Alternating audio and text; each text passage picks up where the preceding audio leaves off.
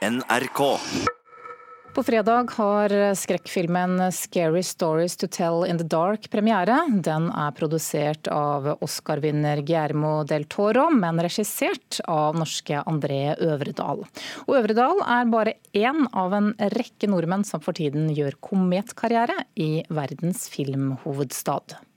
Hvem er det som ikke har drømt om å lage en Star Wars-film? Men det er jo liksom jeg er langt over det stadiet noensinne har turt å drømme om allerede. Så jeg, jeg, venter ikke på han, men kommer han, så skal jeg ta han. han ser kanskje mot stjernene, men André Øvredal har foreløpig ikke mistet bakkekontakten. NRK møter ham i Oslo, der han fortsatt bor. Jobben befinner seg derimot i Hollywood, der 46-åringen er premiereklar med skrekkfilmen 'Scary Stories to Tell in the Dark'. What's that? It's your book of scary stories. Øvredal ble headhuntet til filmen av produsent Guillermo del Toro, Oscar-belønnet regissør av bl.a. Pans labyrint og The Shape of Water. Nei, Det er jo fantastisk. Altså, han, han i seg sjøl personlig åpner dører for meg inn i Hollywood for tida. Så uh, han er en fantastisk alliert. Men dørene til Hollywood ble først og fremst åpnet av disse fantasiskapningene. Eventyrfilmen 'Trolljegeren' i 2010 ble gjennombruddet som ga Øvredal sine til nå to muligheter i Hollywood. Veien videre i filmhovedstaden går via The Long Walk, en storfilm basert på en bok av bestselgergrossisten Stephen King. Jeg føler òg at jeg gjør ting jeg virkelig har lyst til. Dette er filmer som virkelig utfordrer meg kreativt. Altså, jeg er bare veldig heldig som får lov til å utfordre meg sjøl på denne måten i et Hollywood-system som tross alt krever at filmene er av en viss type og form for at de skal fungere kommersielt. Øvredal er ikke ensom nordmann i Hollywood for tiden. Hør bare på denne lista her. Joakim Rønning, Espen Sandberg, Roar Uthaug, Tommy Wirkola, Lars Klevberg, Joakim Trier og Oscar-nominerte Morten Tyldum. Alle norske regissørnavn som har stått på en rulletekst fra Hollywood de siste årene. Og da har vi ikke engang nevnt skuespillere som Ingrid Bolsø Berdal, Lisa Loven Kongsli, Aksel Hennie og Kristoffer Hivju. Altså, jeg tror Hollywood har hatt et, et tiår med stor åpenhet mot resten av verden, der de har søkt ut mot uh, filmskapere og skuespillere og alle mulige talent for å revitalisere og regenerere en eller annen energi og en filmfortellingsforståelse eller metode som de ikke nødvendigvis har i øyeblikket sjøl.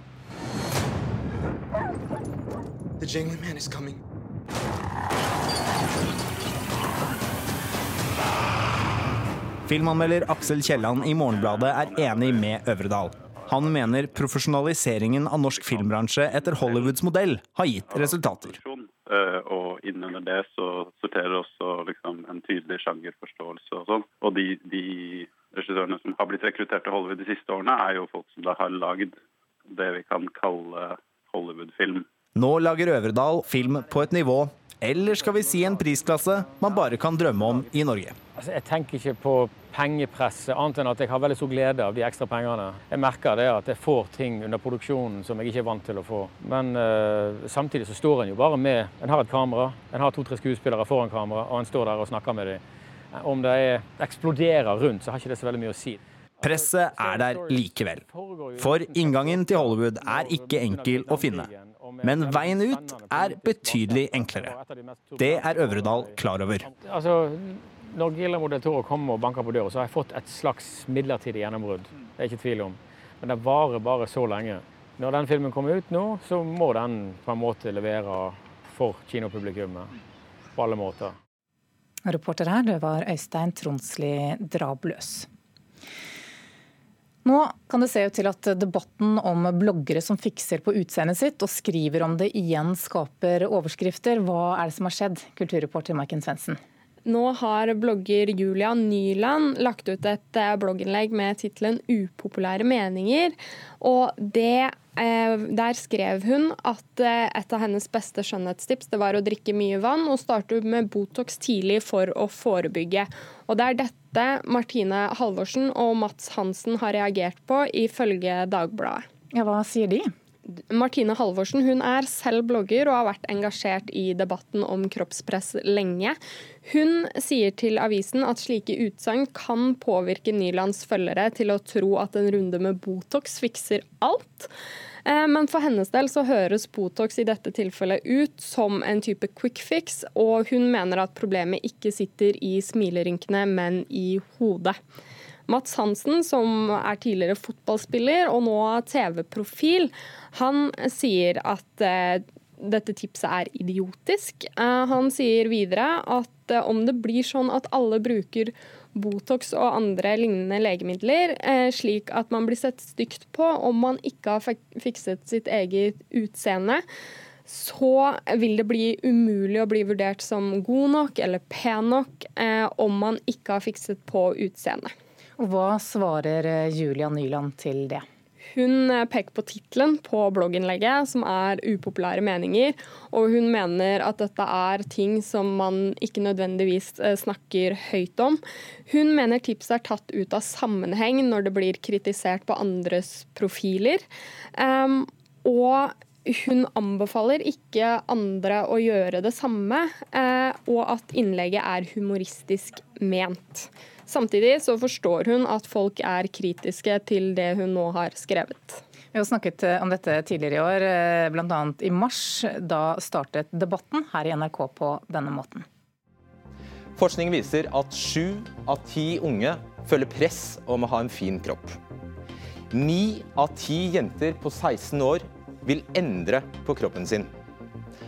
Halvparten av norske 15-åringer slanker seg 50 000 kvinner har til enhver tid spiseforstyrrelse. Sjokkerende tall, men har de noe med bloggere å gjøre? Ja, Det sa programleder Fredrik Solvang. Hvordan har debatten sett ut eh, frem til i dag? Du, som vi hører her, så har det handlet om hva er det influensere har Hva slags ansvar har de for det de skriver i sosiale medier og i sine kanaler? Det har bl.a. blitt diskutert hva de kan skrive om eh, sitt eget utseende og eventuelle endringer av det. Eh, helse og livsstil, hvordan de skal omtale det. Tidligere i sommer så kom da Forbrukertilsynet med en ny veiledning som har samlet regelverket for hva som er lov og ikke å reklamere for når det gjelder skjønnhetsprodukter og tjenester.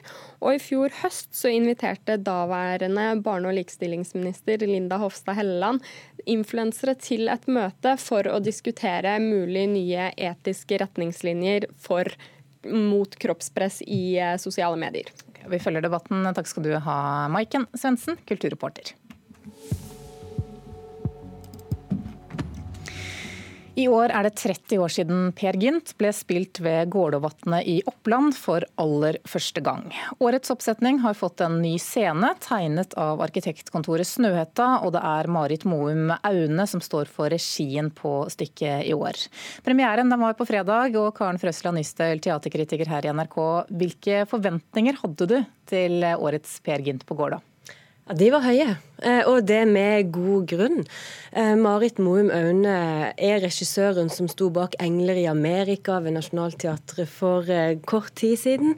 Og hun har òg gjort noe veldig spennende med Ibsen. Hun har tatt Ibsen inn i Nasjonalballetten og har satt opp Hedda Gabler og gjengangere som ballett, og det har vært utrolig flott og har vakt stor internasjonal oppmerksomhet. Så av den grunn, fordi hun nettopp skulle ha med seg dansere til Gålå òg, så hadde jeg kjempehøye forventninger. Vi må høre litt fra forestillingen. da. Her er et eh, utdrag fra Bukkerittet, slik det høres ut på Gålå i år.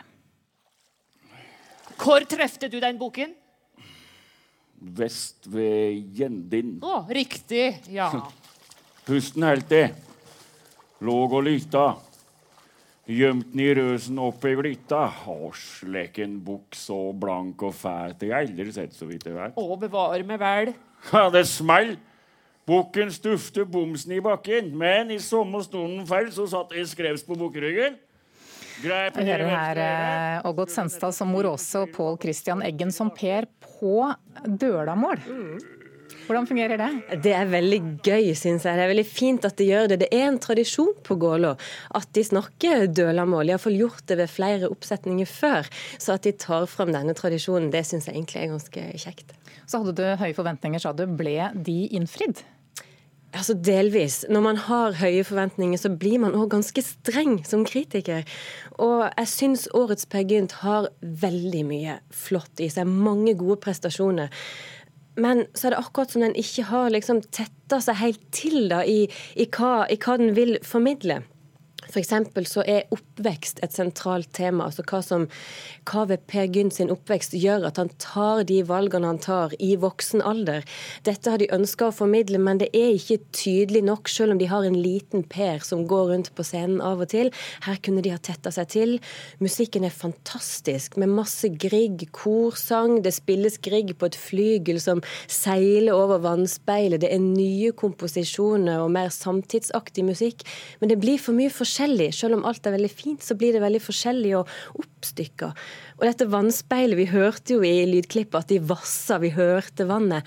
Det er òg veldig flott. Det er et nydelig bilde inn mot fjellheimen. men jeg skjønner ikke hvorfor de skal ha et vannspeil i Per Gynt. Hvorfor de skal vasse seg gjennom hans, eh, hans livshistorie. For det trengs egentlig ikke. Det gir eh, et slags skjærgårdspreg nesten til Per Gynt. Og det, det har så lite å si for forestillinger for hva de vil. Det er bare at det er en flott scene der. Men kunstnerisk så syns ikke jeg den er viktig i det hele tatt. Hva vil du løfte fram da, eh, fra årets forestilling? Da vil jeg løfte fram en veldig jordnær og godt spilt Per av Pål Christian Eggen. Han setter stykket med et bukkeritt som gjør at vi tror på en kompleks karakter. Det er ganske viktig at skjer. Det andre jeg har lyst til å løfte fram, er nettopp de danserne som Marit Moum Aune har tatt med seg fra Nasjonalballetten, og da særlig Grete Sofie Borud Nybakken, som danser Solveig. Det er så fint gjort. Og så har hun, hun har noen replikker òg, og der har hun så god kontroll over stemmen. Hun snakker så godt, bruker teksten så godt.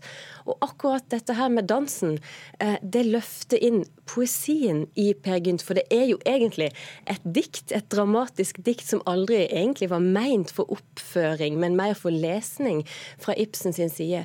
Og når man setter opp Per Gynt med alle disse reisene han gjør og sånn, så mister man noen ganger det poetiske ved teksten. Men det klarer dansen å ta inn. Og det er veldig vakkert å med dans eh, opp mot eh, fjellheimen. Okay, så selv om du ikke helt eh, forstår vitsen med dette vannspeilet, så hører jeg at du også er begeistret? Ja, det er veldig mye fint her. Og de som har løst billett, har masse å glede seg til. Selv om teamet bak kan jobbe litt med å stramme det hele til og bli tydeligere i hva de vil. Takk skal du ha, Karen Frøsland Nystøl. Og dette spilles altså til 10. august. Amfiet tar 2300 hver kveld. Det er vel kanskje ganske sikkert at denne forestillingen også spilles neste år, for det pleier å være to år om gangen, ikke sant?